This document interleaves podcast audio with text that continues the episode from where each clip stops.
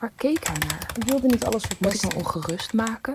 Ik vind seks heel vies. Waarom kon er alles eromheen zo fijn zijn en was dit zo Achteraf klote? gezien heb ik nooit geweten wat er in haar omging. Dus we zeggen niet wat we echt denken en bewaken de Met liefde voor de ik niet vrede. meer samen kon zijn? Toen ik erachter kwam wat hij allemaal meedroeg. Ik mocht niet masturberen van hem Seksueel misbruik binnen Maar we hadden ook gezin. geen seks. Hij raakte mij niet aan.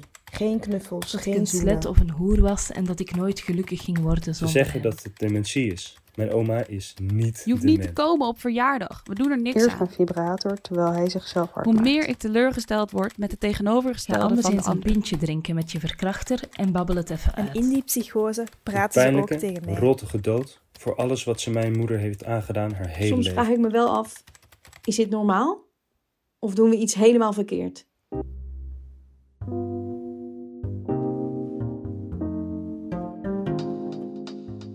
Hey hallo en welkom bij de Bowie Show, de podcast over onbespreekbare onderwerpen.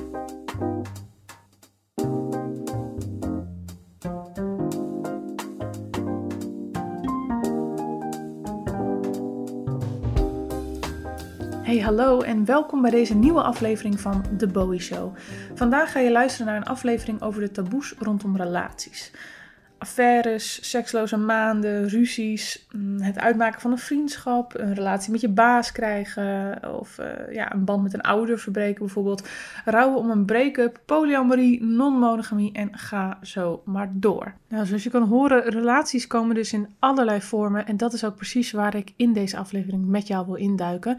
Om te beginnen met mijn eigen relaties. En een van die relaties is Stella. En Stella is mijn VA, oftewel Virtual Assistant. En het leek me heel leuk om met Stella een gesprek te hebben over, ja, over onze relatie. Want die is bijna, eh, bestaat nu eigenlijk alleen nog maar online. We hebben elkaar ook nog nooit in het echt gezien. Ehm, en dat is toch best wel interessant. En het is natuurlijk ook best bijzonder om voor mij te werken, omdat ik zo ja, werk doe wat heel veel van mijn eigen ziel blootlegt. Eh, meer dan dat je bij een gemiddelde opdrachtgever of baas eh, of werkgever te weten krijgt, denk ik. Dus het leek me heel leuk om Stella daarover eh, te spreken. En ik weet bijvoorbeeld dat Stella getrouwd is, maar ook dat ze een vriendengroep heeft. En dat als je eh, mij al wat langer volgt eh, op social media, dan weet je dat ik heel veel behoefte heb aan een vriendengroep, maar dat niet heb. Dus ik eh, heb Stella gevraagd om met mij daar een gesprek over te voeren. Oké, there we go. Here we go. Hallo Stella. Hi Bowie. Welkom in deze podcast. Ik vind het superleuk Thank dat je you. bent. Ehm, ik denk dat het goed is, we gaan het over relaties hebben. En jij en ik hebben ook een relatie. En eh, ik denk dat het goed is om daar straks in te duiken. Maar ik wil eerst wel graag even weten wie jij bent. Kijk, ik weet wie jij bent, maar degene die luistert heeft natuurlijk geen idee. Eh, nou, ik ben Stella, ik ben 29. Ehm, ik ben Bowie's virtual assistant, nu ongeveer een half jaar. Ehm, dat doe ik naast mijn studie tot eh, klassiek zangeres en mijn werk ook als klassiek zangeres. Ehm, daarnaast werk ik af en toe nog een beetje in de ondertiteling en heb ik een moonlight carrière als zeemermin. Ehm, ja, dat is het wel zo'n beetje. Ik ben getrouwd met een hele lieve man. Hij heet Erik. Ik heb een papegaai, die heet Loki. Ja, ik moet ook zeggen, eh Moonlight carrière als eh zeemermin. Ga dat even checken. Waar kunnen, als mensen nu denken als zeemermin, waar kunnen ze dit dan even checken? What the fuck? Eh, ja, dan kun je kijken op YouTube en dan zoek je op Stella the Siren. Ja, het is echt heel vet. Ik kan je echt als je luistert even aanraden om Stella even op te zoeken. En sowieso, want ze is dus multi-getalenteerd. Zo zou ik jou introduceren. Echt multi-getalenteerd. want jij hebt natuurlijk heel veel verschillende soorten werk. Jij studeert ook nog, dus je hebt ook schoolrelaties. Ook als je kijkt naar docenten, maar ook met eh, klasgenoten en zo.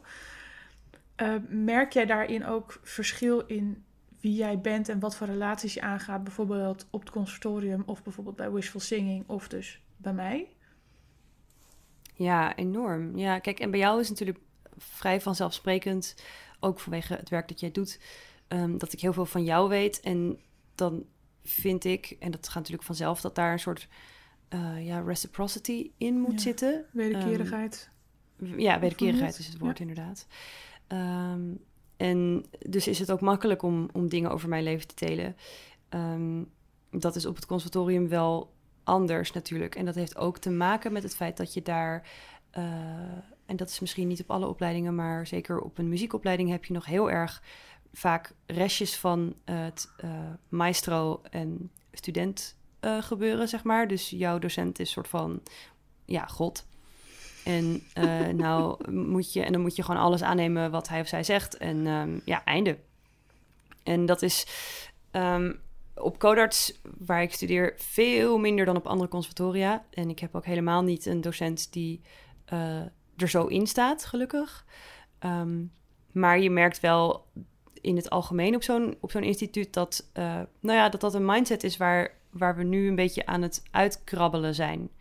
En ik weet bijvoorbeeld dat dat in Amsterdam op het conservatorium uh, nog wel wat heftiger is, bijvoorbeeld. Ja, dus daar heb je eigenlijk ook een soort van uh, ontzag moet je hebben voor je leraar. Voor je ja, dan moet je een bepaald ontzag hebben. En nou helpt het wel dat ik pas op vrij late leeftijd naar het conservatorium ben gegaan. Ik was toen 28, geloof ik. Um, en ik ben uh, niet op mijn mondje gevallen. Dus ik heb daar ook echt best wel een grote bek en ook best wel wat, ja, wat heibel geschopt af en toe. Um, en dat is ook zeker omdat ik wat ouder ben en wat steviger in mijn schoenen sta. En uh, ik ben daar wel dankbaar voor eigenlijk. Omdat het, um, ja, het, het, heeft het wel makkelijker gemaakt om niet zo meegesleept te worden in dat soort uh, relationele keurslijven die je dan toch ja. tegenkomt. Ja, ik herken het wel hoor. Ik heb natuurlijk niet op een conservatorium gezeten, maar wel op een creatieve opleiding, dus op de kunstacademie. Mm -hmm. in Rotterdam ook. Um, Ja. Toch? Of jij zit ook bij Codex in Rotterdam of niet? Ja. Ja, ja dus ik heb op de Koning gezeten. Nou, en bij ons waren... Uh, ik herken wel wat je zegt over dat uh, docenten soms scholen zijn.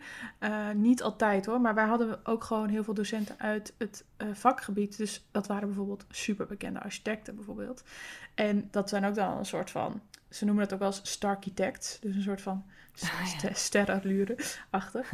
um, maar wat daar wel eigenlijk toch wel de heel erg de boventoon voerde, was de, de informaliteit. Dus hmm. ik heb echt een enorm. Er is zelfs een leraar van mij waar ik nog steeds vrienden mee ben. Nou ja, dat is zeker een relatie wat uh, heel hmm. vaak wordt uh, frowned upon of zo, weet je wel. Hmm. Maar dat ja. is gewoon, ik bedoel, hij is ook. Uh, ik zal, moet ik wel goed zeggen. Nee, hij is 30. Nee, 20 jaar ouder dan wat ik ben. Ja, ja. Um, het is natuurlijk een man, dus dat is ook zo van... Oh. Ja. Um, maar dat is gewoon iemand waar ik tijdens mijn studie een super goede band mee heb opgebouwd. Soms ook wel, uh, voorzag hij me ook wel van vaderlijke adviezen. En waar ik gewoon nog steeds Hmm. vrienden mee ben. En die zie ik gewoon heel graag. Maar dat is natuurlijk eigenlijk heel gek met een leraar, weet je wel? Mhm. Dus ja, dat herken ik wel wat je zegt. Ik denk ook dat als je zoiets samen doet, uh, veel, dat vind ik tenminste vaak van creatief processen, dan moet er ook wel een soort van vriendschappelijkheid in zitten. Want je moet gewoon een soort van chemie hebben samen, weet je wel? Ja, je Of moet chemie hebben, zo? maar ook die chemie komt ook vanzelf. Op het moment Mm. dat je zingt en samen iets maakt en het klinkt mooi en je hebt daar een beetje dezelfde ideeën over, dan, uh, dan ja, in mijn ervaring verbroedert en verzustert dat ook heel erg. Mm. Ja, Ja. dus eigenlijk zorgt die muziek voor de verbinding. Ja, en niet alleen maar natuurlijk, het moet wel een Mm. beetje klikken. Maar, ehm, maar het helpt wel, ja, om samen iets moois maken.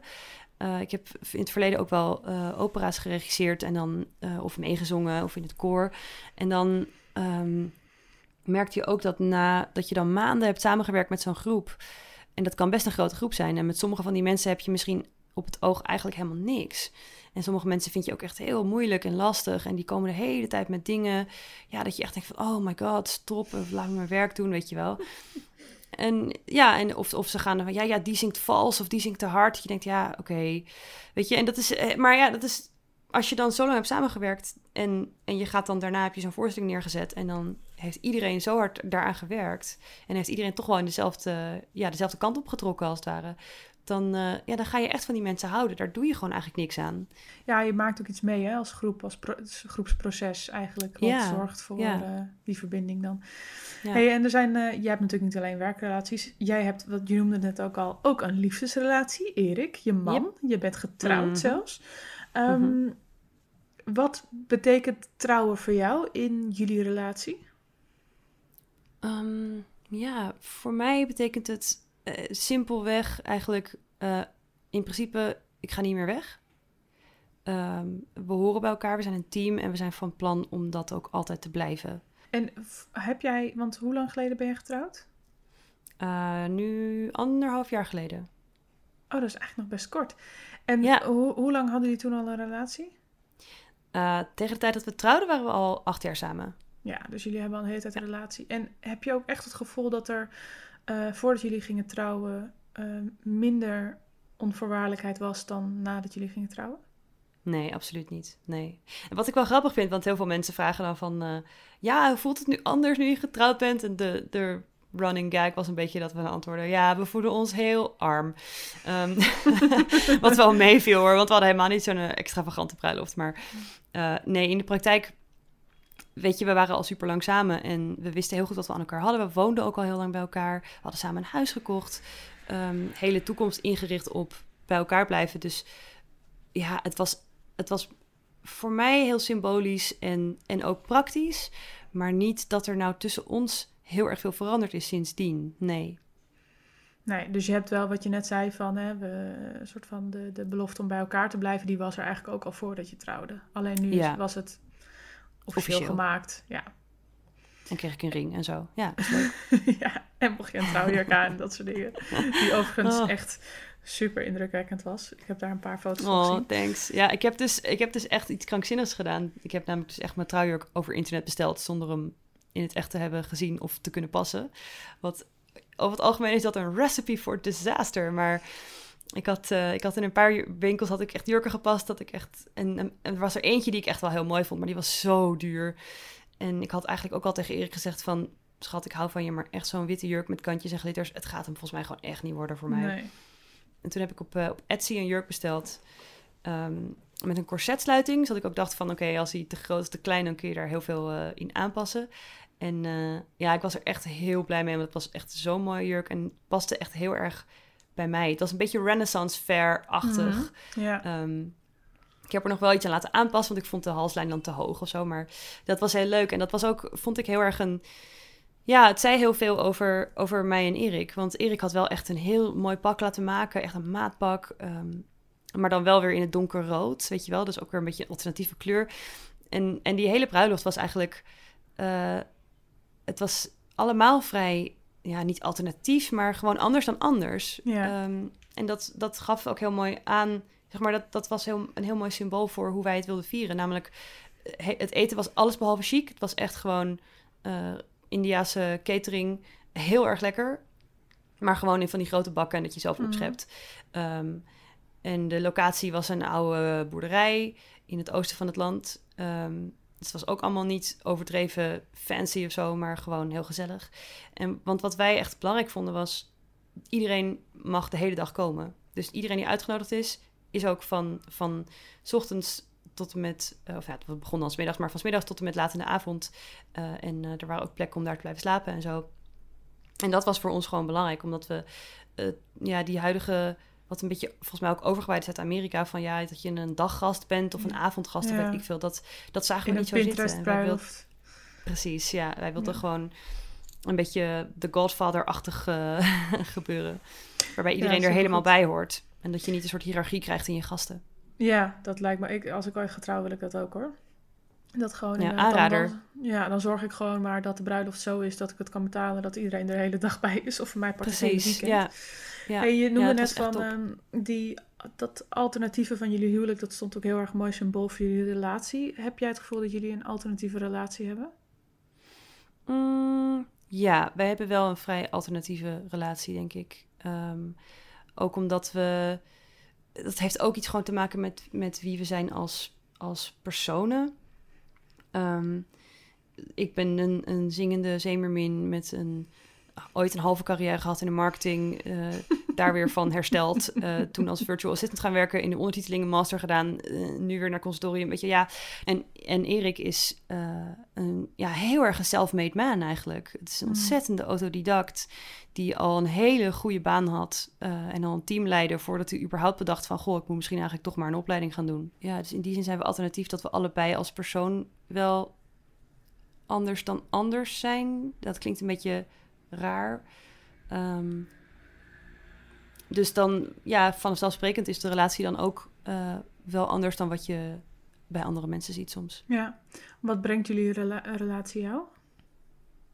Ja, goh, eh, heel veel veiligheid. En, en Erik is echt mijn, eigenlijk wel mijn beste vriend. Het is een ontzettende, ja, echt mijn, mijn, mijn, mijn team, zeg maar. Staat heel erg Mm. achter me. Hij is altijd heel erg trots en, en lief. En hij steunt me in van alles. En ik steun hem in van alles. Hij is, gaat nu een baan aannemen aan de andere kant van het land.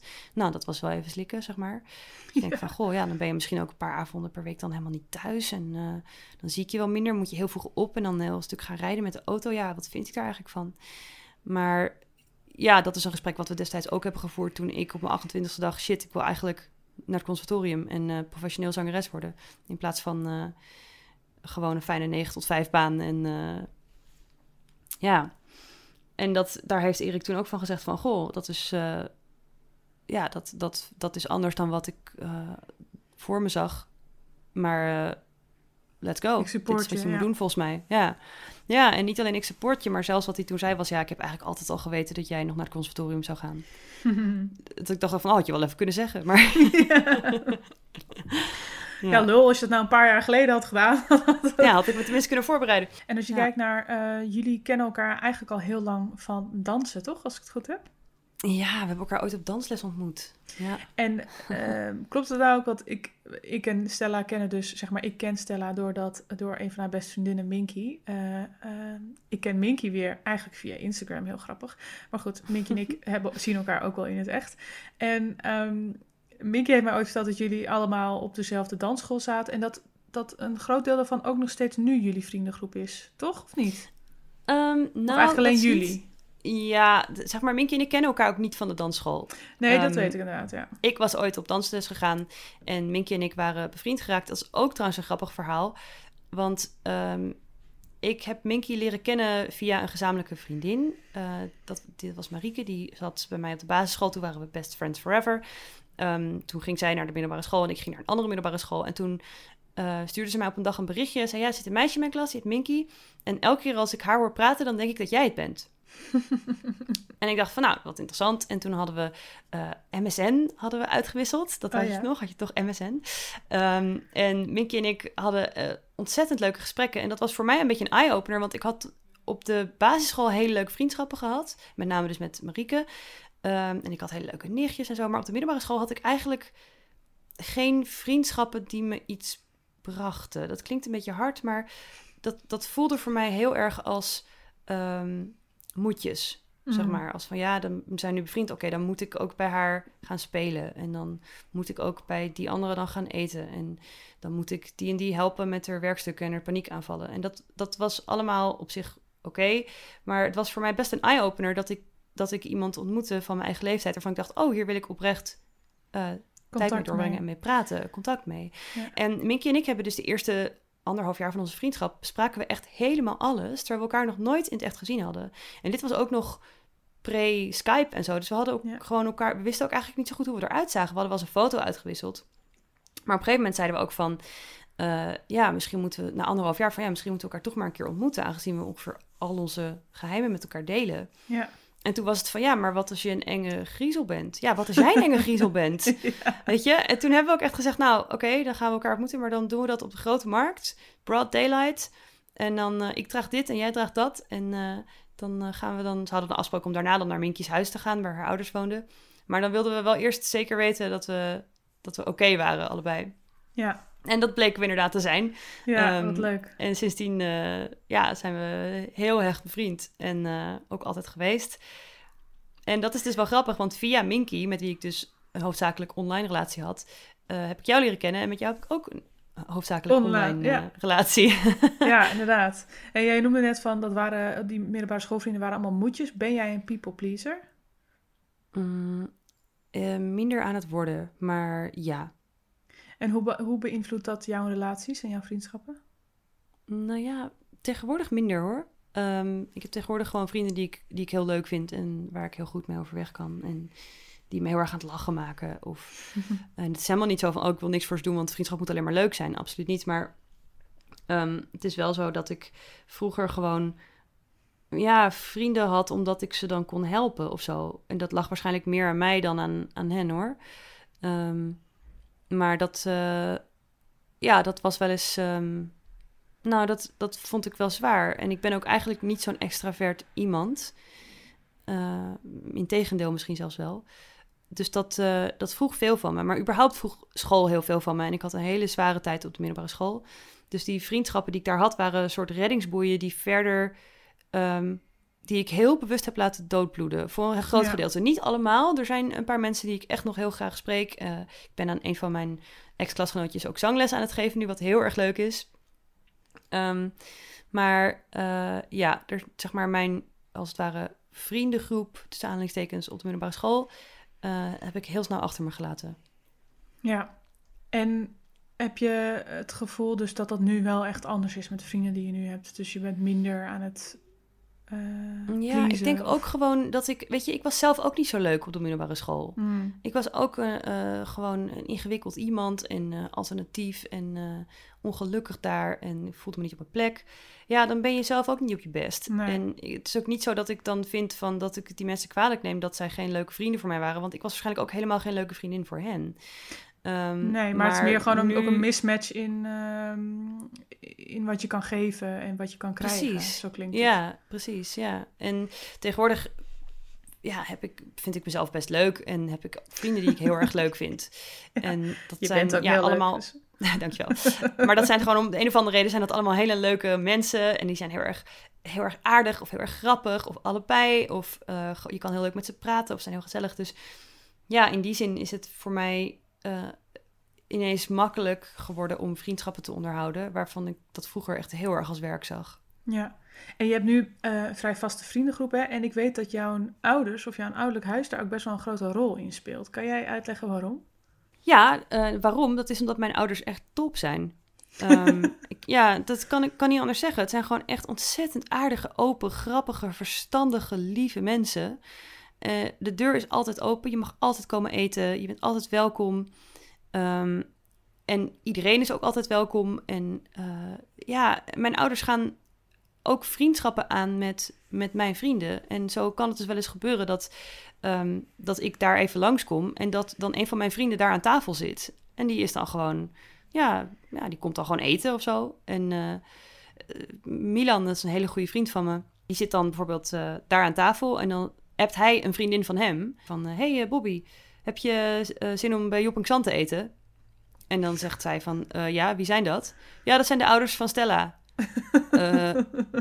Oké, maar wat doe jij daar dan? Zeg maar, ja. En dat is heel apart. En ja, Minky en mijn moeder en ik, die werken ook wel samen. We hebben samen opera geregisseerd. Ehm, ja, dus dat, dat, dat is een hele interessante... Dynamiek. ja, dynamiek inderdaad. En, en ook omdat wij natuurlijk... Ik ben natuurlijk zelf nu een volwassene. Mijn vrienden zijn volwassen. Ehm, en mijn ouders zijn eh, achter in de 50. Dus dat verschil wordt ook steeds kleiner.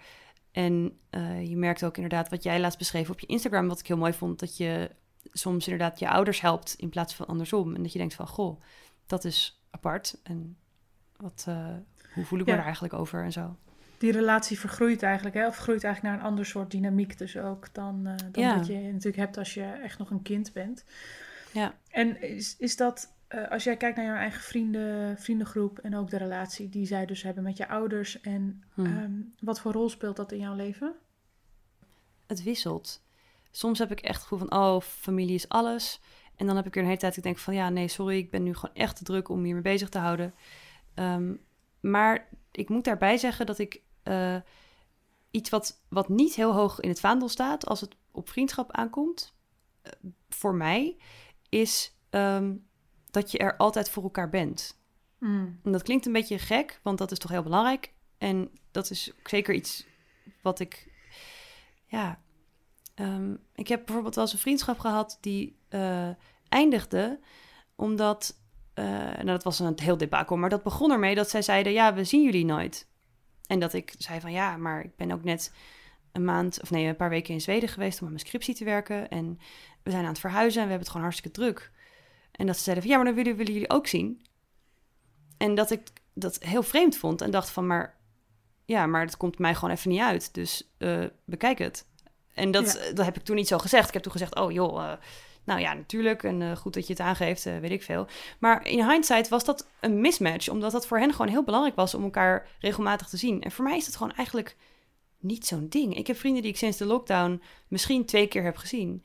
Eh, en dat vind ik prima. Weet je, ik heb daar eigenlijk geen moeite mee. Dan spreek ik ze wel. WhatsApp en, en Zoom en Skype en zo. Maar Ja, dus het, Maar maakt voor jou, zeg maar, de, kwa- de kwantiteit maakt voor jou niet uit voor de kwaliteit van die nee, vriendschappen. nee, nee. En dat is iets wat, wat sommige mensen heel belangrijk vinden. Dat je tijd voor elkaar maakt. En ik vind dat eigenlijk niet belangrijk. En ik, niet dat ik vind dat andere mensen dat niet belangrijk mogen vinden. eh, maar het is voor mij goed om, om te beseffen van... oh ja, voor sommige mensen is dit heel belangrijk en voor mij niet. Als iemand geen tijd voor me kan maken, vind ik dat prima. Want ik kan ook niet altijd tijd maken voor, voor mensen. Nee. Ik ben ook een En heb beetje je- workaholic. Ja, dat kan ik me aan. Dat is precies waarom ik jou natuurlijk als VA heb. Dat is heel duidelijk. Dat baat ik heel graag uit, dat workaholism. Nee, nee. Maar Nee, hoor. ehm, ik kan me wel goed voorstellen dat dat eh, ja, wel een beetje onorthodox is. Dat jij zoiets hebt van, ja, ik vind het eigenlijk niet zo belangrijk om... Nou ja, niet belangrijk om tijd te maken is misschien overdreven. Maar wel dat dat voor jou echt minder eh, bijdraagt aan eh, de kwaliteit van de vriendschap. Dat je zoiets hebt van, ja, ik zie je als ik je kan zien. En als je me niet kan Ja. zien, dan is het ook oké. Ja, ik stel geen hoge eisen aan mijn eh, vriendschappen in die zin. En ik eh, verwacht ook soort van dat dat dan wederzijds is. En, is vaak dat is ook dat ook zo. Is dat ook omdat Erik zo eigenlijk ook jouw beste vriend is? Omdat die behoefte dus voor vriendschap misschien ook al heel erg bevredigd wordt in jouw huwelijk? Hmm, mm, misschien, ja. Aan de andere kant heb ik bijvoorbeeld wel heel veel contact met mijn zusje. En ik heb heel veel contact met Minky en Emma en Lisa. Eh, dat is een soort van eh, ja, aparte vriendengroep. En ik heb natuurlijk ook gewoon... Ik heb nog eh, Pieter, Freek, Janneke. Dat zijn gewoon allemaal mensen met die ik dagelijks spreek... en waar ik heel veel bij kwijt kan. En dat is ook absoluut niet zo dat ik zeg van... oh, ik heb Erik al, dus ik heb verder niemand nodig, whatever. Nee. Ehm, dus nee, in die zin niet. Maar ik denk dat het gewoon eigenlijk te maken heeft met het feit dat ik heel erg het gevoel nodig heb dat ik zelf in controle ben van waar ik aandacht aan besteed op welk moment. Jij wil gewoon heel graag En- regie hebben over je eigen tijd, Ja. over je eigen leven. Ja. Jullie hebben dus, hebben jullie dan als vriendengroep ook geen vaste dingen?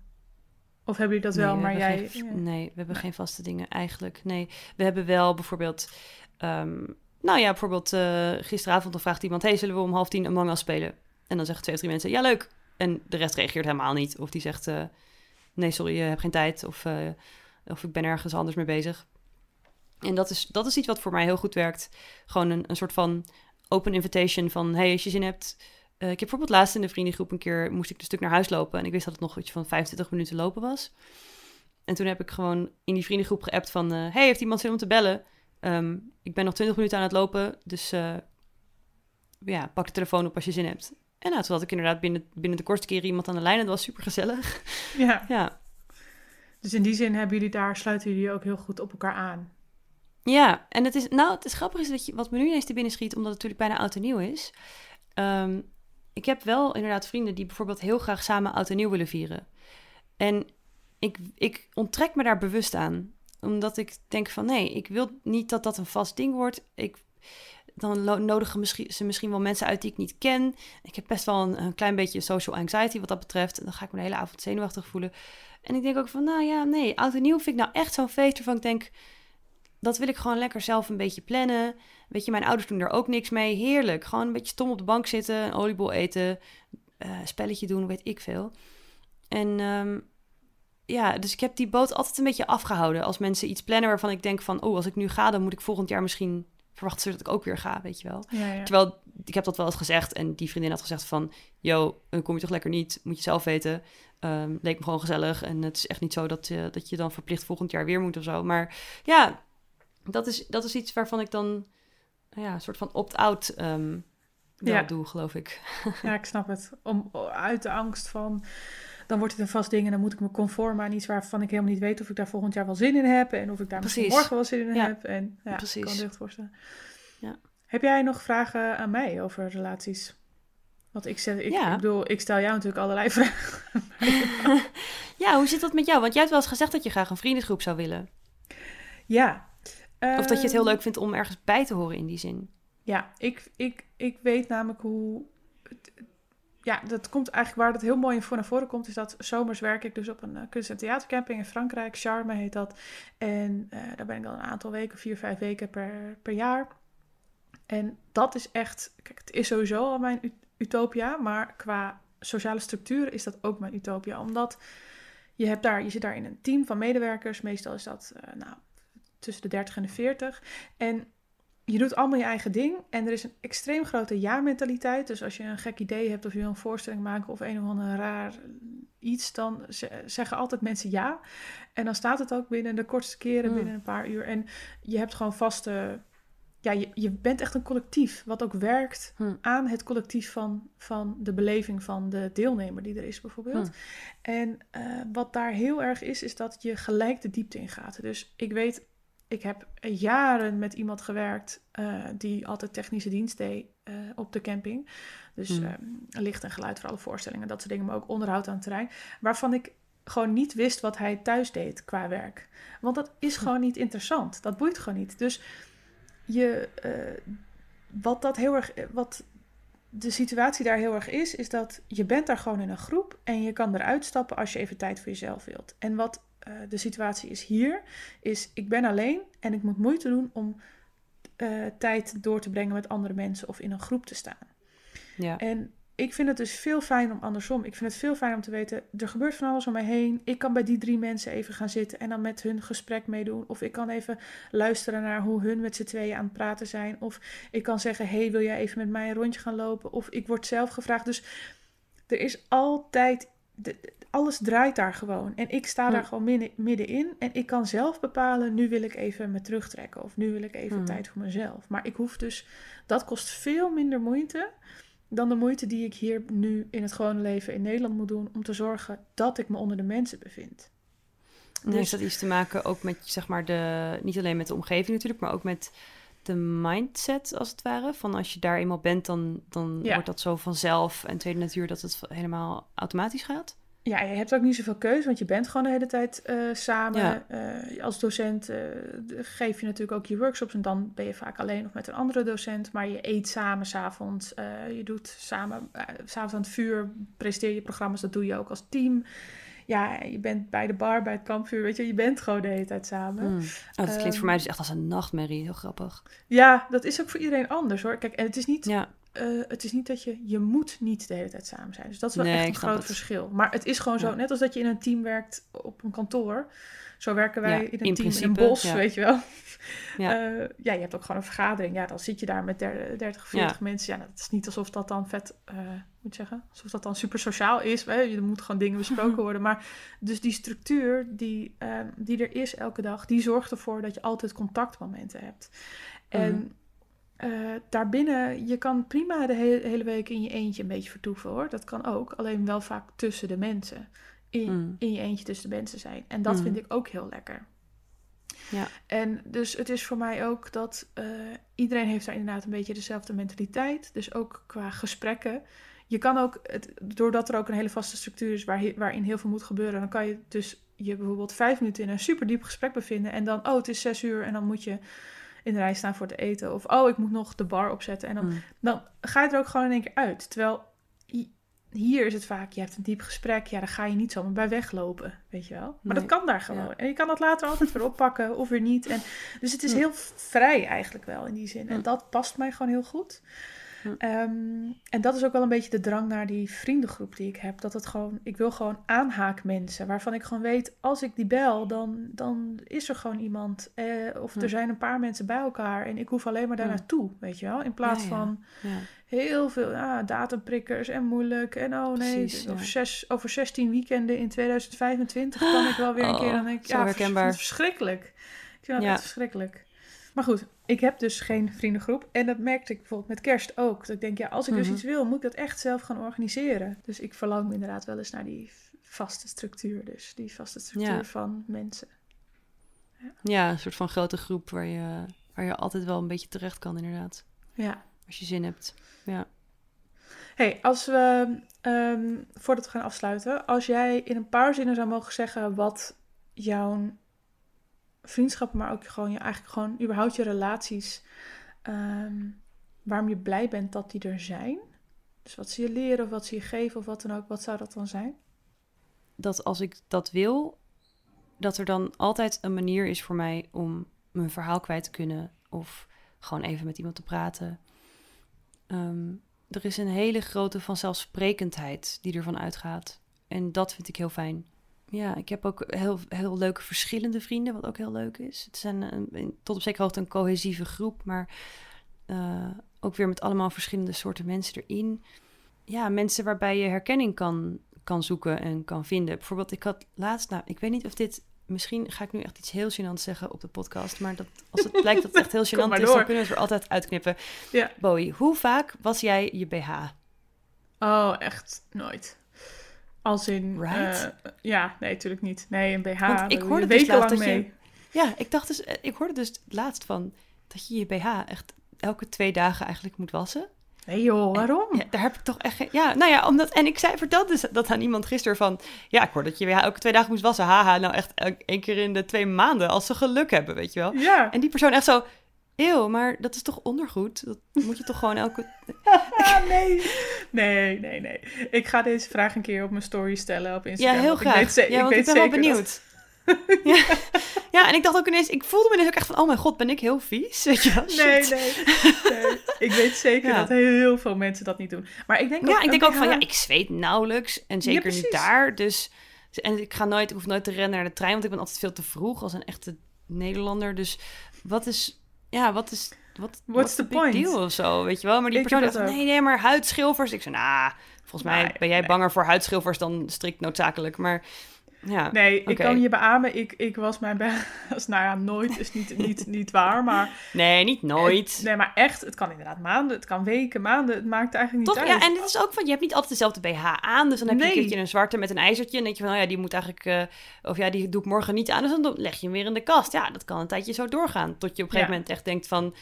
Oh ja, oké, deze heb ik nu wel een tijdje niet gewassen, geloof ik. En dan doe je eens bij de zwarte was in een netje. Maar Ja. dat is het ook. Soms zijn ze gewoon heel mooi. En dan wil je ze niet lelijk maken door ze te heet Ja. te wassen of te vaak. Dus ja, Nee, ik vind I het, feel eh, you, ik snap het. En ik, ik ruik gewoon altijd aan mijn BH's. En als, ze, als ik denk, oh, nu ruikt het alsof ik hem aan heb gehad, hoeft niet eens naar Zweden te zijn, dan ga ik ze wassen. vaak. Precies, ja. Als Ja, het niet meer naar wasmiddel ruikt, ja. Ik ken, eh, volgens mij is het eh Kanta Comics. Ik ga het straks even opzoeken voor je, maar ik heb hier ooit een keer een comic eh, van voorbij zien komen. Sowieso is zij Oh, heel top. grappig over inderdaad van ondergoed, elke dag een schone. BH's, rustig een paar weken dat Ja, dat ja. aantrek. Ja. ja toch? Net als met, Ja. dus net als met had, zij had er ook eentje over nagellak. Dat je zo je handen kan lakken, na drie dagen is het eraf. En dan had ze zo een andere tekening van... eh, oh, grandma, your toenails look so pretty. En zo van, ja, ja, I polished them like 44 years ago. zo, Ja. dat je, je teennagels, die blijven gewoon zo al maandenlang blijft daar gewoon nagellak op zitten. Maar dat is ook niet zo gek, want vingers- die zitten de hele dag in sokken en die worden Ja. beschermd en zo. Dus, Ja. ja. Nou, dat is de truc. Dus als wij onze Oké. nagellak goed moeten Nee, maar houden, goed om te weten. handschoenen. Nee, maar wat ik dus bedoelde was eigenlijk van... Met zo'n verhaal van... hey, eh, wassen jullie je BH's ook praktisch nooit? Zeg maar, ik heb altijd wel een, een WhatsApp-groep waarin ik dat dan kwijt kan of zo, weet je wel? dat je dat even aan iemand kan vragen. Van, ben ik nou heel raar en vies of is dit gewoon een soort van normaal... Ja, Ja, nee, I feel you. Ik snap dat helemaal. nou, dat is ook heel fijn. Ik denk ook dat het mooi is om eh, daarmee af te sluiten. ja Stella, een mooie closing thought. Een mooie closing thought, ja, inderdaad. ik heb een WhatsApp-groep waar ik aan kan vragen hoe vaak jij je BH was. That's the, that's the whole meaning of friendship. Oh. Ja. Stella, Ja. dankjewel. Ja, jij bedankt. Het was hartstikke leuk. Thank you. Ja, dat was eh, het gesprek met Stella. Ik vond het super tof om haar eh, visie op nou ja, relaties, op haar vriendschappen, op haar familie te horen. En ook eh, hoe ze onze relatie zelf zag. Ik hoop ook eh, dat jij eh, net zoveel genoten hebt van het gesprek als ik. En dan gaan we nu door naar de biechtbrieven. De biechtbrieven worden volledig anoniem naar mij toegestuurd en worden elke aflevering weer door andere vrijwilligers voorgelezen. Dus de stemmen die je hoort zijn niet de stemmen eh, van de briefschrijvers zelf.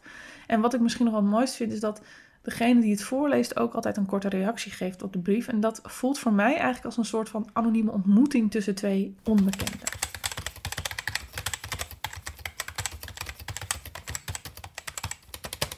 Mijn biecht. Klinkt alsof het iets van mij is, wat ik niet goed heb gedaan en moet opbiechten. Maar ik heb niet iets verkeerds gedaan en toch draag ik een geheim met me mee. Het is een geheim dat zwaar is om mee te nemen en dat lang niet iedereen begrijpt. Ik durf er niet open over te zijn, omdat ik bang ben voor de consequenties voor zijn leven en ik wil daar niet verantwoordelijk voor zijn. Tot welke leeftijd blijven vrouwen aantrekkelijk voor mannen? Maar vooral vanaf welke leeftijd? En is hier überhaupt wel een getal aan te geven of zijn vrouwen al aantrekkelijk vanaf het moment dat ze vruchtbaar worden? Ik ken het eigenlijk niet anders in mijn leven. Vanaf dat ik begon met puberen merkte ik op hoe ik ook aandacht kreeg van volwassen mannen. Dat was normaal voor mij. Nu ik ouder ben en terugkijk, vind ik het niet normaal en vraag ik me af of dit komt door wat de maatschappij mij heeft opgelegd, of dat eigenlijk de meeste mannen vrouwen vanaf hun puberteit aantrekkelijk beginnen te vinden. Dit is geschreven vanuit heteroseksueel perspectief. Maar waar heb ik nu last van? Wat draag ik dan met me mee? Mijn ex. Mijn lieve, warme, hartelijke ex, met wie ik niet meer samen kon zijn toen ik erachter kwam wat hij allemaal meedroeg. Seksueel misbruik binnen hun gezin, seksverslaafd en blijven hangen in de blik van zijn puberteit, waardoor ook jongeren naast oudere vrouwen aantrekkelijk voor hem waren, zolang ze maar ontwikkeld waren. Ik kwam erachter dat ik het niet gek vond dat hij jongere vrouwen in de puberteit al aantrekkelijk vond en polste bij vriendinnen naar hun ervaringen. Ook zij gaven aan vaker aandacht te hebben gehad van oudere volwassen mannen op een manier die niet passend is toen zij nog minderjarig waren. Alleen mijn ex kwam ervoor uit dat hij het helemaal niet wilde en dat het zo'n worsteling voor hem was om daar niet naar te kijken op een seksuele manier. Hoe is dat om samen te zijn met iemand die zulke gevoelens heeft, wat ontstaan is door zijn verleden, en hij aan het vechten is met therapie om daaruit te komen? Ik verafschuwde het dat hij dat soort gevoelens had, net zoals hij, en ik vertrouwde hem niet, hield als een havik zijn blik in de gaten. Waar keek hij naar? Moet ik me ongerust maken? En ik confronteerde hem veel met zaken waarvan ik vond dat hij het moest oppakken in therapie. Ik vond dat alles het licht moest zien, want dat was de enige manier waarop die aantrekking naar jongere vrouwen kon verdwijnen. Ik vond het bijzonder dit te lezen. Het is heel kwetsbaar. Ik kan me niet voorstellen hoe lastig het is om dit met je mee te moeten dragen. Iets wat onbespreekbaar is, maar stiekem toch wel vaker voorkomt dan we misschien denken. Ik vind het dapper hoe deze vrouw dit is aangegaan en dit heeft kunnen opschrijven. Ik zou zelf niet weten hoe ik hiermee om zou moeten gaan. Ik vind het trouwens ook bewonderingswaardig dat deze man hiervoor in therapie is gegaan. Dat hij dit moet meedragen en hiermee te kampen heeft en dat hij daar geen controle over heeft, lijkt me heel erg moeilijk. Ik bewonder deze twee mensen en de zoektocht die zij zijn aangegaan echt heel erg. Wauw, wat een brief. Ja, wanneer is jong te jong? Ik merkte dat uh, tijdens het luisteren naar deze brief ik er ergens toch een beetje een gek gevoel van krijg. Maar misschien gaat het niet over waar je op valt, maar wat je doet met die gevoelens.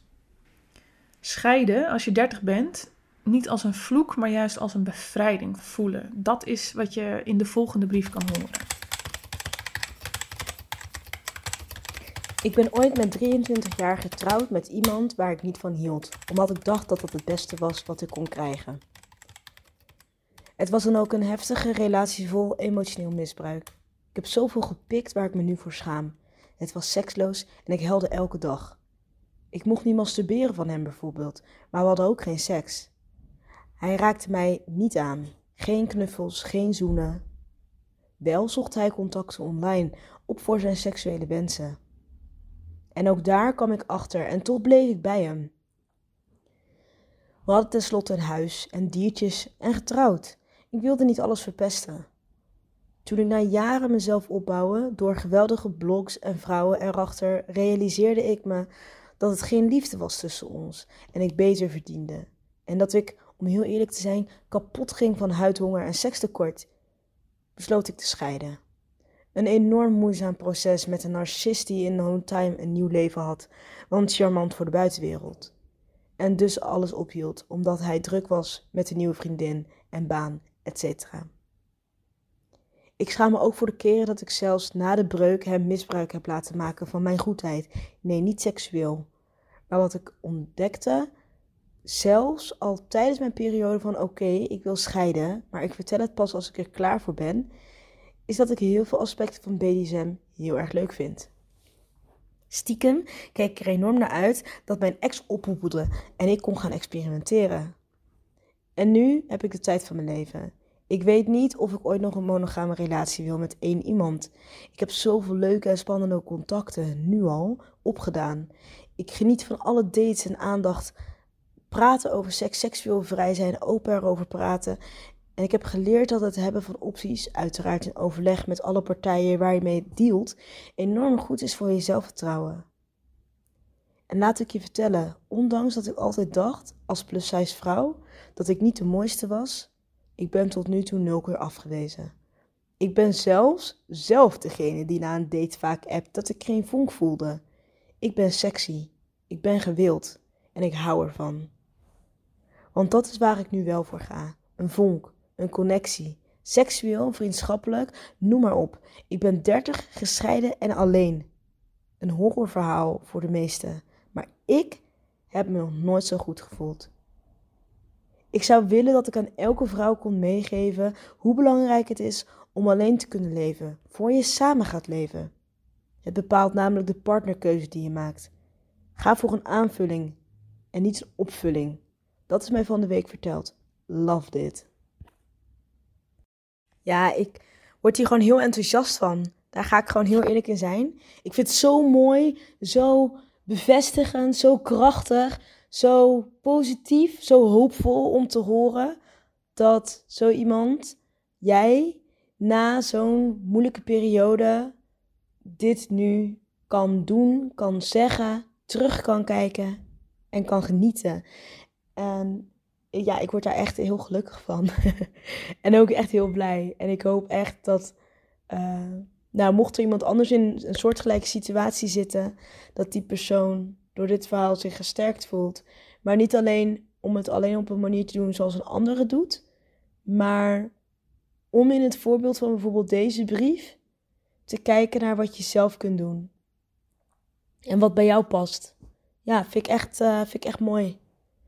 Want het is heel makkelijk om aan de buitenkant te schreeuwen van je moet weg en uh, je moet stoppen. En uh, zeker als het seksloos is. Dat was een grapje. Maar uh, het, het, terwijl je erin zit, kan het zo lastig zijn. Zeker als iemand een persoonlijkheidsstoornis heeft. Um, hè, als dat het geval is. Ja, dat is echt pittig. Dat, ik, ik, kan me niet voorstellen hoe moeilijk dat geweest moet zijn. Um, ja, en dan natuurlijk het BDSM-stukje. Uh, ik begrijp heel goed dat dat heel erg leuk is. En ik hoop dat je gewoon in vrijheid, vol overgave, met plezier enorm kan genieten van wat er op je afkomt en waar je jezelf instort. En uh, ja, dat uh, klinkt als een hele goede aanvulling op jou in plaats van een opvulling. Dus well done. I love it for you. Voor de volgende biechtbrief geef ik alvast een trigger warning, omdat hier verkrachting in voorkomt. Dus het, zijn geen expliciete gebeurtenissen of zo, maar desalniettemin uh, wel het woord. En um, dat, dat vereist een trigger warning. En uh, verder gaat de brief over hoe trauma zich in je lijf opslaat en daarmee je verdere relaties beïnvloedt. Op mijn vijftiende werd ik verkracht door mijn eerste vriendje. Het was mijn eerste keer seks. Vijf jaar lang hield ik het voor mezelf. Ik zag die jongen vijf jaar lang nog elke week in de jeugdbeweging. Vijf jaar lang probeerde hij me subtiel of minder subtiel aan te raken als ik voorbij kwam. Vijf jaar lang stuurde hij me berichten dat ik een slet of een hoer was en dat ik nooit gelukkig ging worden zonder hem. Nu, tien jaar later, struggle ik nog steeds met intimiteit. Ik denk dat ik asexueel geworden ben. Libido is iets dat mijn lichaam niet kent. Momenteel zit ik in een relatie die reeds drie jaar duurt. Een fantastische man. Seks hebben we heel sporadisch. Ik geniet daar niet van en dat doet heel veel pijn. Hij weet dat, denk ik. Toch praten we er niet over. Ik heb het gevoel dat we niet klaar zijn om effectief te erkennen dat onze relatie op seksueel vlak niets voorstelt. Toch voelen we elkaar verbonden met elkaar en zien we elkaar heel graag. Ik vind seks heel vies. Jammer, hè? Ik denk niet dat je hier veel mee kunt, sorry, maar het doet deugd om het even neer te schrijven. Vijf jaar terug ging ik naar een psycholoog, maar die zei: Ga anders eens een pintje drinken met je verkrachter en babbel het even uit. Ik ben nooit meer terug geweest. En nu loop ik achter de feiten aan, denk ik. Het doet niets meer met mij en eigenlijk kan ik een psycholoog niet betalen. Het zal wel een uitvlucht zijn. Vond het uh, heel heftig om deze biechtbrief te lezen. Um, en misschien wil ik daar dan graag twee dingen over zeggen. Het eerste is dat ik het ontzettend um, naar vind hoe één iemand het leven van iemand anders zo negatief kan beïnvloeden. En hoe machteloos we daarin kunnen zijn. Um, ik heb zelf een aantal ervaringen. Um, ja, misschien kan ik er één vertellen waarbij een collega uh, mij lastig viel op een vervelende, intrusieve manier, met veel seksuele hints. Um, ik schaamde mij daar heel erg over. Ik durfde dat tegen niemand zeggen. Op een bepaald moment zag mijn partner um, een van de appjes van die man voorbij komen. Die man was trouwens zelf getrouwd. Uh, zijn vrouw was ook zwanger. Dus dat vond ik allemaal nog veel naarder. En mijn partner werd kwaad op mij, terwijl ik ja, eigenlijk een soort van mij heel machteloos voelde om iets te doen. Ik weet nog steeds niet goed, buiten duidelijk een grens trekken naar die man toe. Uh, wat trouwens ook helemaal niet hielp, maar ik weet nog steeds niet goed wat ik echt had kunnen doen om dat te stoppen. Dus je komt met iemand ook in een kluwe en ja, het is heel naar om dat mee te maken. En dit verhaal van dit meisje is natuurlijk nog veel heftiger en nog veel erger. En dan het tweede, uh, wat ik wil zeggen, um, ja, is dat ik schrok van de benaming mijn eerste keer seks. Was een verkrachting. En dat klopt voor mij niet. Volgens mij is een verkrachting een verkrachting en geen seks. Um, wat ik ook in de brief terugzie. Um, ja, is dat er toch wel woorden komen als jammer. Um, um, even kijken, hè. Um, van het zal wel een uitvlucht zijn. Ik loop achter de feiten aan. ja, ook het benoemen van pijn. Dus ik denk dat daar wel zeker een ruimte of een ingang zit om hier toch mee aan de slag te gaan. En ik wens deze vrouw heel erg toe dat zij um, ja, positief haar seksualiteit kan verkennen.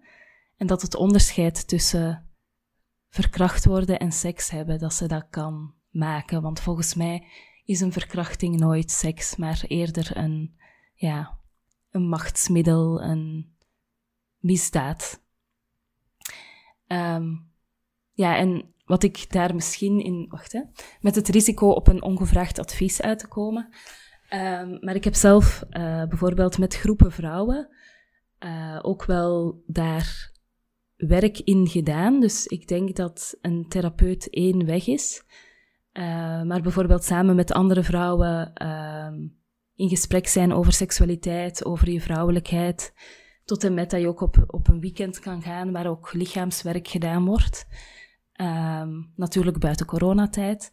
Ik kan mij voorstellen dat dat al ook heel veel verschil kan maken om via een heel andere weg terug naar je lichaam en de beleving van je lichaam uh, te komen. Um, en ik weet dat het ongevraagd advies is of een ongevraagde tip, maar ik wou toch heel graag even, ja, toch even benoemen. Wat doe je als je man geen seks meer met je wilt, maar jullie wel samen een kindje willen? Deze volgende brief geeft zo'n mooie, gelaagde ervaring weer van wat voor struggle seks kan zijn binnen een relatie. Wij kunnen zo lachen met elkaar, genieten beide van festivals, houden ervan om naar goede restaurants te gaan.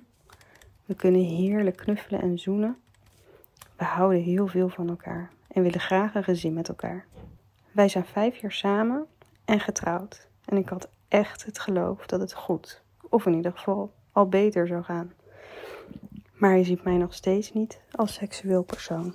Wij kwamen bij elkaar toen hij 34 en ik 33 was. Hij was een verstokte vrijgezel. Zijn laatste relatie was op zijn achttiende. En dat was ook zijn eerste en enige seksuele ervaring. Die tijd erna keek hij porno en deed hij aan zelfbevrediging. En toen kwam ik in zijn leven. Ik, iemand die jarenlang rondschalde, lange relaties heeft gehad, heel erg open over seks, niks was gek genoeg. Ik, die het geweldig vindt om te experimenteren. De eerste keer dat we gingen fozen was hij heel erg gericht op mij. Geweldig, dacht ik. Maar hij wist niet zo goed wat hij moest doen. Met enige ondersteuning dat ik zijn hand moest leiden, moest het wel lukken, dacht ik. Maar het was het allemaal net niet. Wel waren we ontzettend verliefd en vonden wij elkaar zo leuk. Als ik aan hem zat, was het wel fijn, maar echt geil was het niet voor hem. Als hij dan zichzelf hard maakte, lukte het enigszins wel om een soort van seks met mij te hebben, maar nog niet echt. Wel konden wij ontzettend fijn zoenen, met elkaar knuffelen als de beste. Hierop hadden we bedacht dat een seksuoloog mogelijk de uitkomst was. Dit omdat hij wel aangaf dat hij van porno wel geil kon worden, maar dit bij mij gewoon niet lukte. Dit was wel pijnlijk om te horen en ik heb hier ook echt wel even moeten huilen. Waarom kon er alles eromheen zo fijn zijn en was dit zo kloten? Bij de seksuoloog kwam naar voren dat hij door alle jaren alleen porno kijken zijn seksuele beleving niet overeenkwam met de werkelijkheid. En dat was stap 1: stoppen met porno kijken om weer in gevoel met zichzelf te komen. En met wat hij zelf leuk en lekker vindt in een relatie. We kregen opdrachten mee, elkaar strelen, ademhalingsoefeningen enzovoort. Hij probeerde het huiswerk en ik deed mee. Ik merkte dat ik hier veel weerstand in mij had. Want de oefeningen waren er allemaal alleen voor hem. Ik wist wat ik lekker vond. Ik wist waar mijn grenzen liggen en nu voelde ik me meer een lerares die alles moest uitleggen wat een fijne ervaring was en wat niet. Ik weet zelf dat seks natuurlijk iets van je samen is, maar het voelde oneerlijk dat ik ook die oefeningen moest doen, terwijl ik gewoon behoefte aan fijne, ongecompliceerde seks had. We gingen op vakantie naar het buitenland en daar lukte het voor het eerst om seks te hebben. Hij kwam klaar. Wat hebben we genoten van deze vakantie en wat groeide onze liefde en vertrouwen hierdoor. Op deze vakantie hebben we ook heel veel gefoost.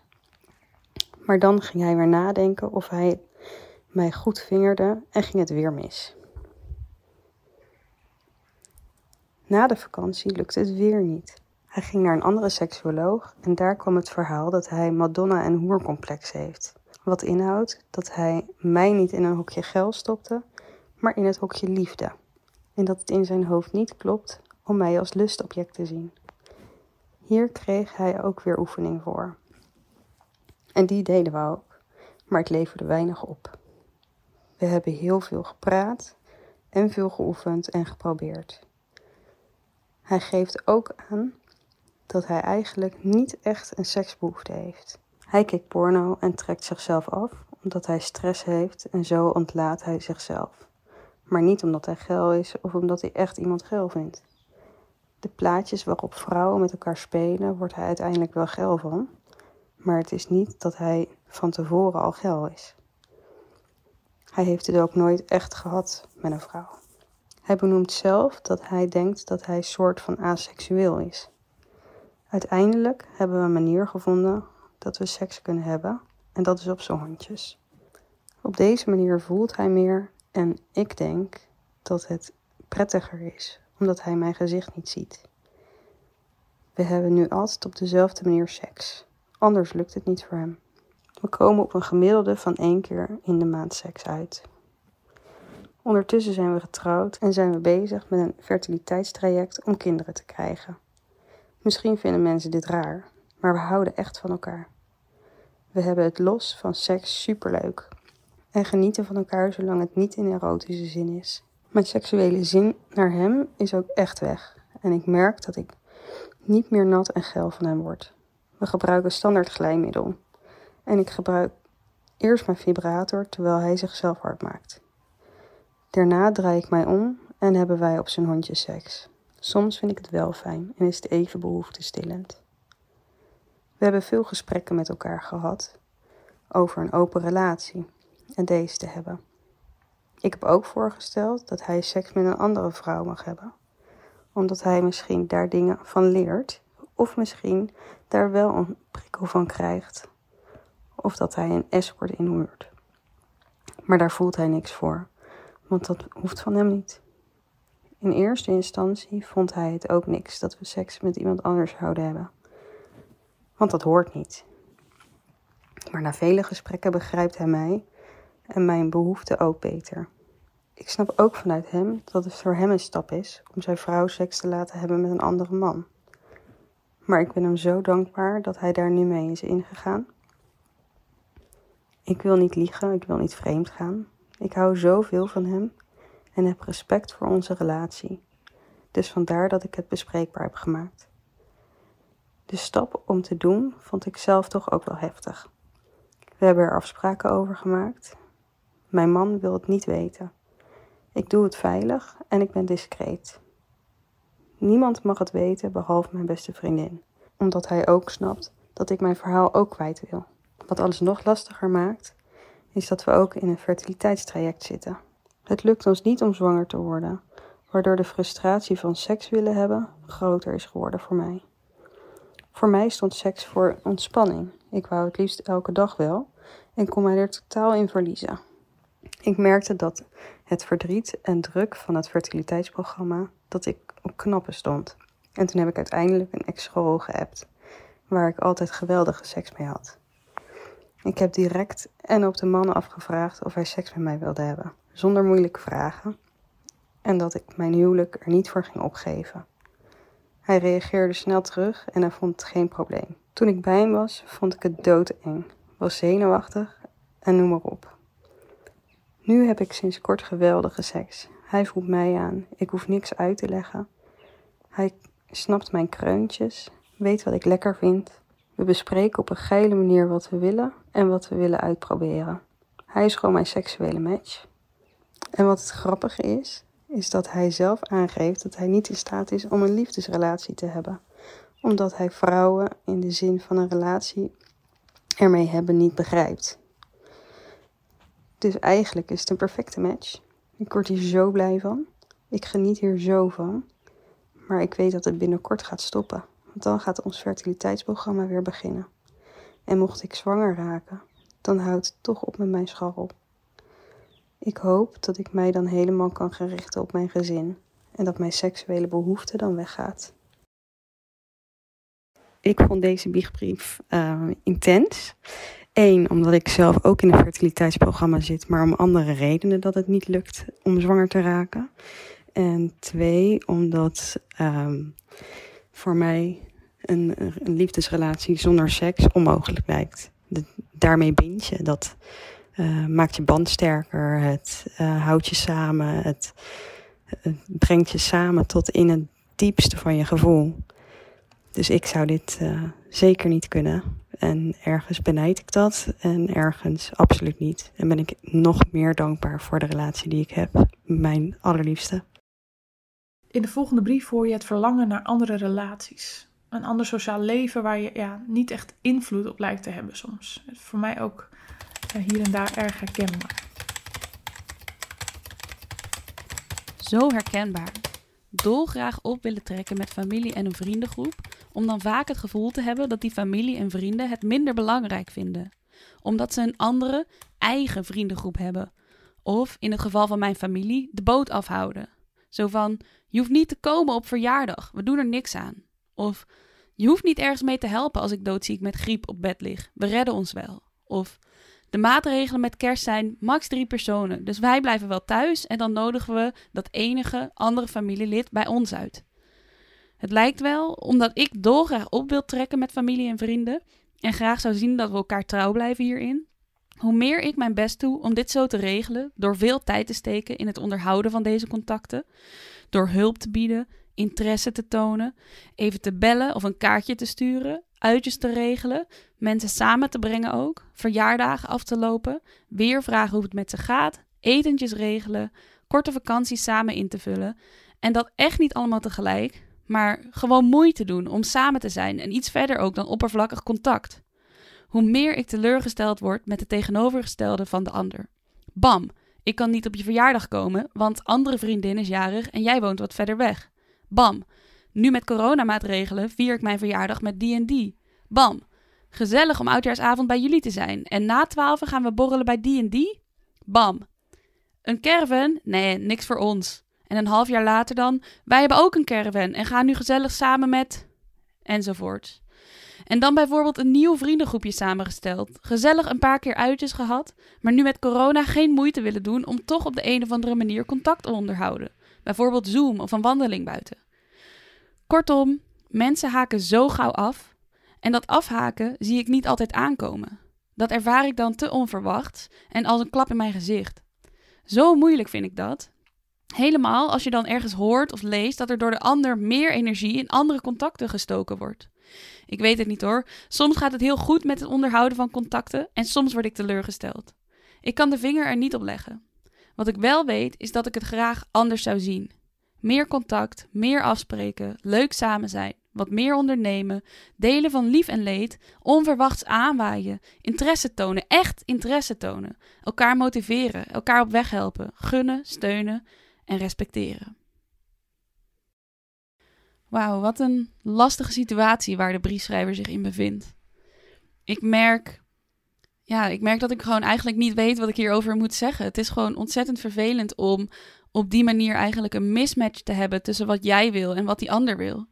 En het raakt me hoe je beschrijft dat je heel veel probeert te investeren in de relatie en dat je er in ieder geval heel veel tijd in steekt en dat dat zo te horen niet beantwoord wordt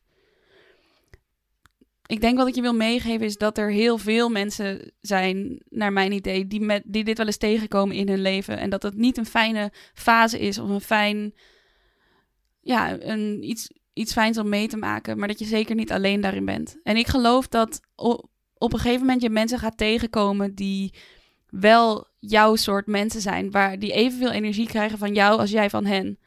En dat als je die tegen gaat komen, dat het dan ook niet meer zal voelen misschien als iets waar je heel veel moeite voor hoeft te doen of heel veel tijd in moet steken. Um, of interesse moet tonen, maar dat je daadwerkelijk gewoon ontzettend geïnteresseerd bent. Nou ja, ik gun je van harte om dit uh, tegen te komen en ik vind het heel cool dat je het in een brief naar deze podcast hebt gestuurd. Vrienden of toch geen vrienden? Ik zeg zelf vaak dat ik behoefte heb aan een vaste vriendengroep. Maar als je de volgende biechtbrief hoort, dan zijn er toch ook wel minder fijne kanten. Och, hebt ze me plotseling privé. Ik erger me zo aan haar. Al tien jaar lang hebben we een vriendinnengroep. Een beetje per ongeluk vonden we elkaar doordat onze toenmalige vriendjes elkaar kenden.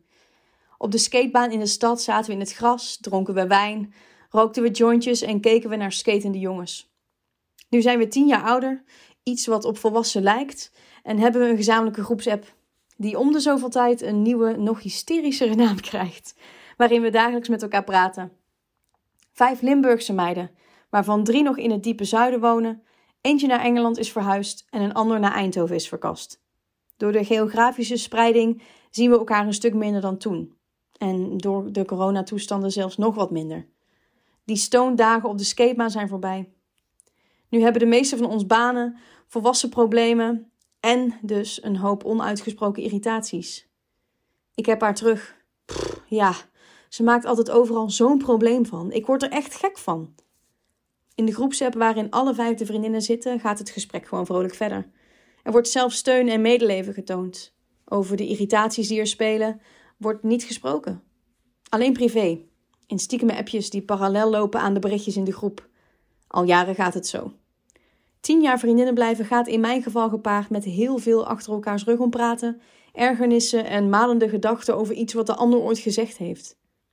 Ik snap wel waarom dit niet openlijk besproken wordt.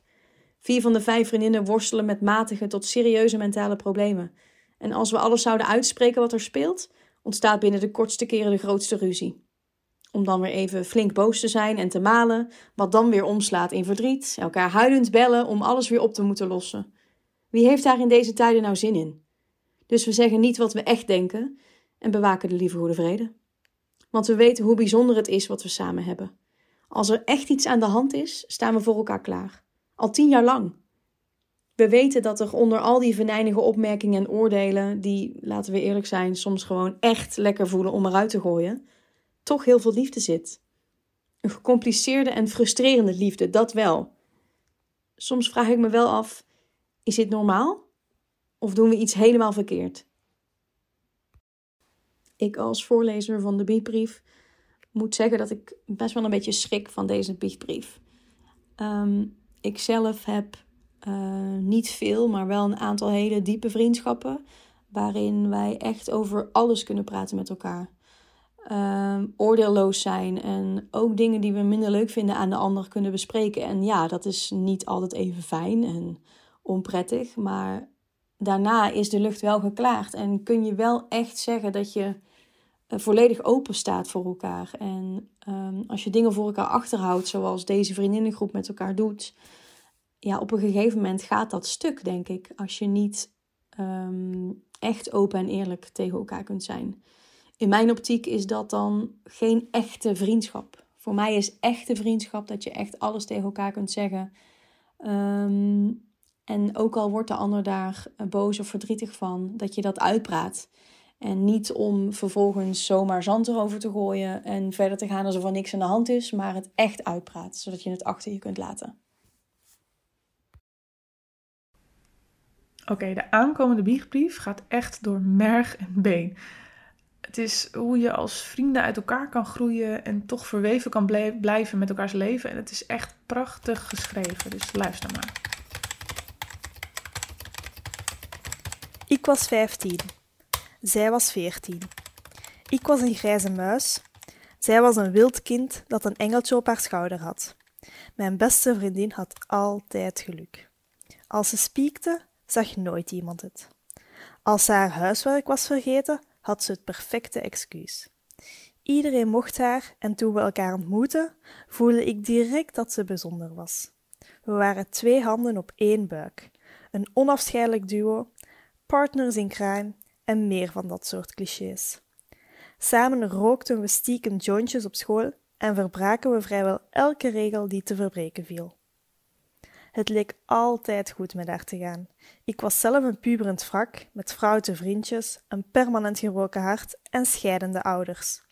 Ik herinner me een nacht waarop de jongen die mij ontmaagd had me een berichtje stuurde. Hij was vreemd gegaan op schoolreis naar Parijs. Het was over en ik was kapot. Ik zoop een fles Passoa leeg en fietste naar het huis van mijn beste vriendin.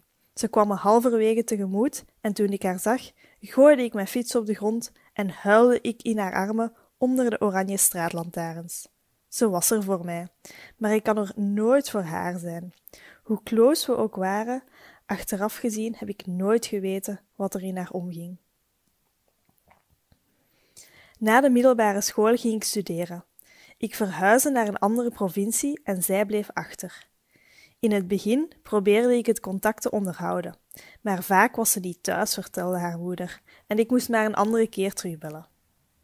Ik was druk met studeren en bevond me plotseling in een hele andere wereld. Toch dacht ik nog vaak aan haar. Zou ze boos op me zijn omdat ik weg was gegaan? Waarom belde ze me nooit? Waarom kwam het initiatief nooit van haar kant?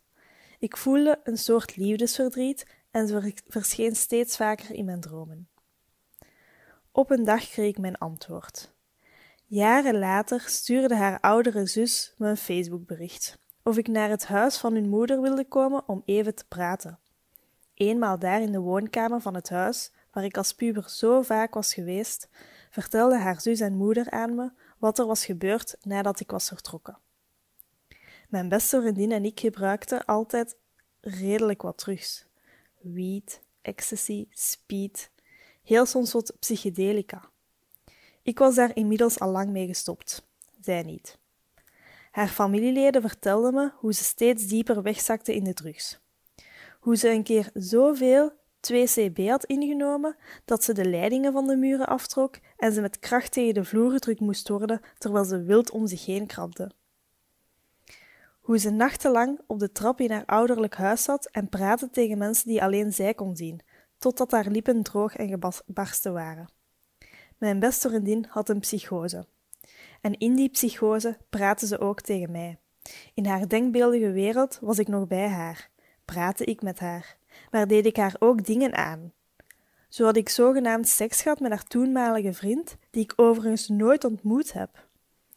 Op het moment dat ik bij haar moeder in de woonkamer zat, zat mijn beste vriendin in een gesloten instelling. Haar moeder vroeg me nog of ik haar een kaartje wilde schrijven. Het was immers rond de feestdagen. Ik voelde me zo schuldig. Wat als ik toen had gezien waar ze mee worstelde? Wat als ik niet zo opgeslokt was door mijn nieuwe studentenleven? Wat als, er toen, wat als ik er toen echt voor haar was geweest? Wat als? Niet lang daarna overleed haar moeder. Ik besloot niet naar de crematie te gaan. Ik wilde geen oude koeien uit de sloot halen en mijn schuldgevoel verrat enorm aan me.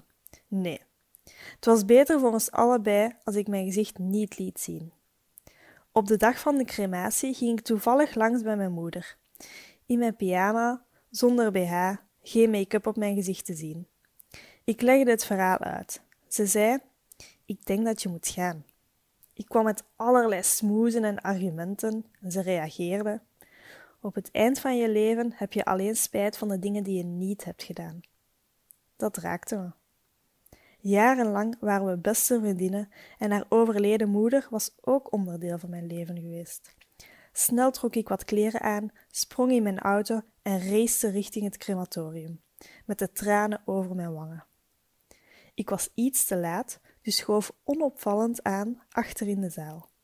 Op het einde van de plechtigheden mochten alle aanwezigen naar de kist toe lopen om een laatste keer vaarwel te zeggen. Mijn beste vriendin, die ik al jaren niet in levende lijven had gezien, stond pal achter de kist. Mijn hart klopte in mijn keel terwijl ik naar voren kwam en mijn hand op de kist van haar dode moeder legde. Ik keek omhoog en zocht de ogen van mijn vriendin, maar ze keek niet naar me. Ze keek naar niemand. Ik realiseerde me op dat moment dat wie ze ooit was, nu ook niet meer bestond. Mijn beste vriendin leefde in een wereld waar niemand meer bij me kon komen. Wow, heftig verhaal wel. Ik begrijp haar reactie wel hoor. Waarom komt het initiatief eens nooit van haar? Zelf doe ik dat ook soms. Vroeger wel vaker, nu probeer ik daar al meer op te letten. Maar die toont gewoon nog maar eens aan dat je iemand nooit 100% kent. Je weet enkel datgene dat hij of zij wil delen met jou. Dus niet alles.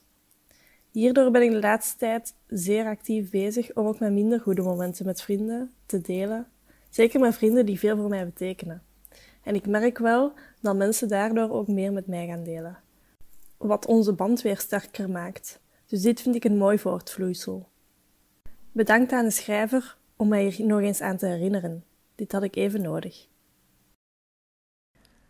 Je oma haten.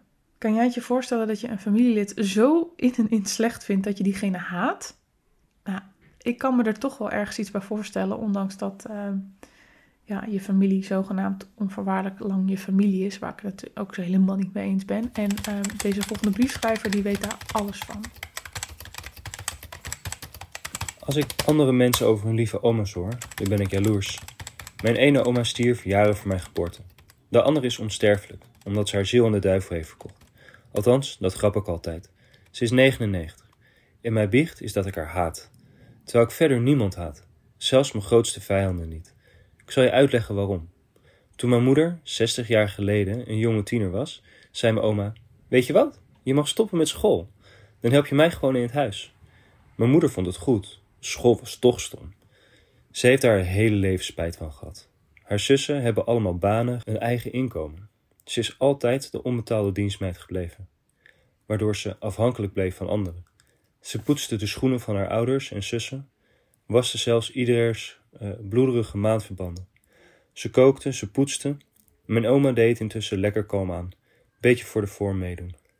Voor mijn tantes was ze een fijne moeder, want aanwezig en kalm.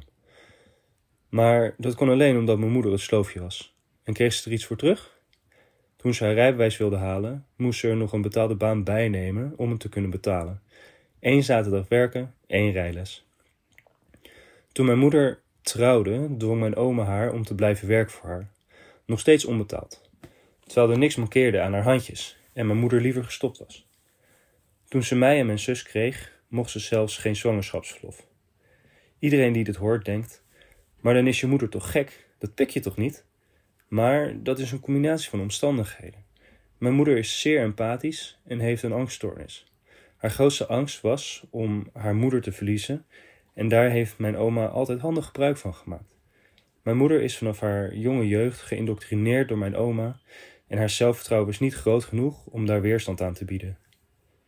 Altijd als mijn oma haar zin niet dacht te krijgen, dan ging ze op bed liggen en feinsde een of andere ernstige ziekte.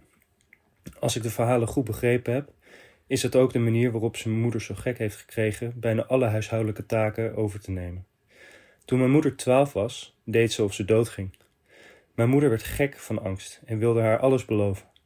Als mijn moeder iets belooft, dan doet ze het ook. Dat is altijd zo geweest. En nu is mijn oma 99. En ze doet het weer. Op precies dezelfde manier. 60 jaar na dato. Vlak voor het midweekje dat mijn ouders weg zouden gaan, is ze weer ziek. En nu gaat ze, voor de tiende keer, echt dood. Mijn moeder zit weer te huilen, want deze keer is het echt. Vakantie geannuleerd. Pas recent realiseerde ik me waarom mijn oma zo doet. Ze is een narcist. Ze heeft mijn moeder haar hele leven emotioneel misbruikt. Op het moment dat mijn moeder niet meer reageert zoals gewenst, draait ze het zo dat ze toch haar zin krijgt. De laatste jaren was mijn moeder zich langzaamaan aan het losmaken, iets minder van haar aan het toestaan. Toen is ze begonnen haar uit te schelden, verwijten te maken. Dat ze niks voor haar deed. Dat ze nooit voor haar gezorgd heeft. Totdat het enige is wat mijn moeder gedaan heeft: haar hele leven voor anderen gezorgd. En mijn oma ging op alles voor. Mijn moeder is door die woorden compleet gebroken. Want dat was wat haar overeind hield. De gedachte dat ze dan toch in ieder geval altijd haar best had gedaan voor haar moeder. Mijn tantes steunen mijn moeder niet. Ze zeggen dat het dementie is. Mijn oma is niet dement. Ze heeft een beter geheugen dan ik. Ze is doof, maar als je iets fluistert aan de andere kant van de kamer wat ze niet mag horen, dan hoort ze het. Ze doet precies wat nodig is om haar zin te krijgen. Ik haat haar oprecht. Ik wens haar dood. Een pijnlijke, rottige dood voor alles wat ze mijn moeder heeft aangedaan haar hele leven. Alleen, wat gebeurt er dan? Dus is mijn moeder diep verdrietig, omdat het monster haar alles heeft afgepakt. Haar opleiding, dat kleine beetje zelfvertrouwen wat ze nog had, tijd met haar gezin en nu weer haar vakantie, waar ze maanden naar uitkeek. Ik snap er niks van. Het zal wel een soort verplaatst Stockholm-syndroom zijn, of net als mishandelde vrouwen die niet bij hun partner weg durven. Ik ben een pacifist. Ik ben vredelievend. Ik ben een feminist. Antiracist. Ik zeg altijd dat je begrip moet hebben voor anderen. Proberen hun drijfveren te begrijpen. Niet zomaar iemand veroordelen, alleen omdat jij het niet met diegene eens bent. Zelfs bij een racist probeer ik nog te bedenken: wat zit erachter? Angst? Waarom zou diegene zo zijn? Maar voor mijn oma kan ik dat niet opbrengen. Ook al weet ik dat het waarschijnlijk iets klinisch is, dat narcisme. Ik wou dat het ellendige mens van de aardbodem verdween. Ik wou dat ik oprecht uh, gelovig was en niet een agnost. Want dan wist ik dat ze zou branden in de hel. Misschien is dat de reden dat ze niet doodgaat. Omdat zij wel gelooft en donders goed weet dat ze hier geen bonuspunten voor krijgt bij onze lieve Heer. En ik hoop dat als er stiekem toch een God bestaat, dat hij mij dan vergeeft voor mijn withete woede. Holy shit, wat een verhaal. Ik kan me zo goed voorstellen dat jij je oma haat. En ik bedoel, ik heb wat dat betreft eenzelfde inslag als wat jij hebt. Gewoon eerst proberen iemand te begrijpen of hè, kijken wat er nou achter zit, waarom iemand zich op een bepaalde manier gedraagt. Empathisch, maar dit is niet goed te praten. Dit is echt niet oké, want het is precies zoals je aangeeft. Het is gewoon iemand een heel leven lang emotioneel misbruiken en in het verlengde daarvan heb jij daar ook gigantisch last van. bedoel, je wenst iedereen een fijne, lieve relatie met iemands oma. Het is iemand waar je naartoe zou moeten gaan en waar je volgepropt wordt met snoepjes en, en cake en gebak en oude chips die eigenlijk al net iets te lang staat. Maar het is insane. Niet goed te praten dit. Dus ja, ik kan heel goed begrijpen dat jij je oma haat en dat je er dood wenst.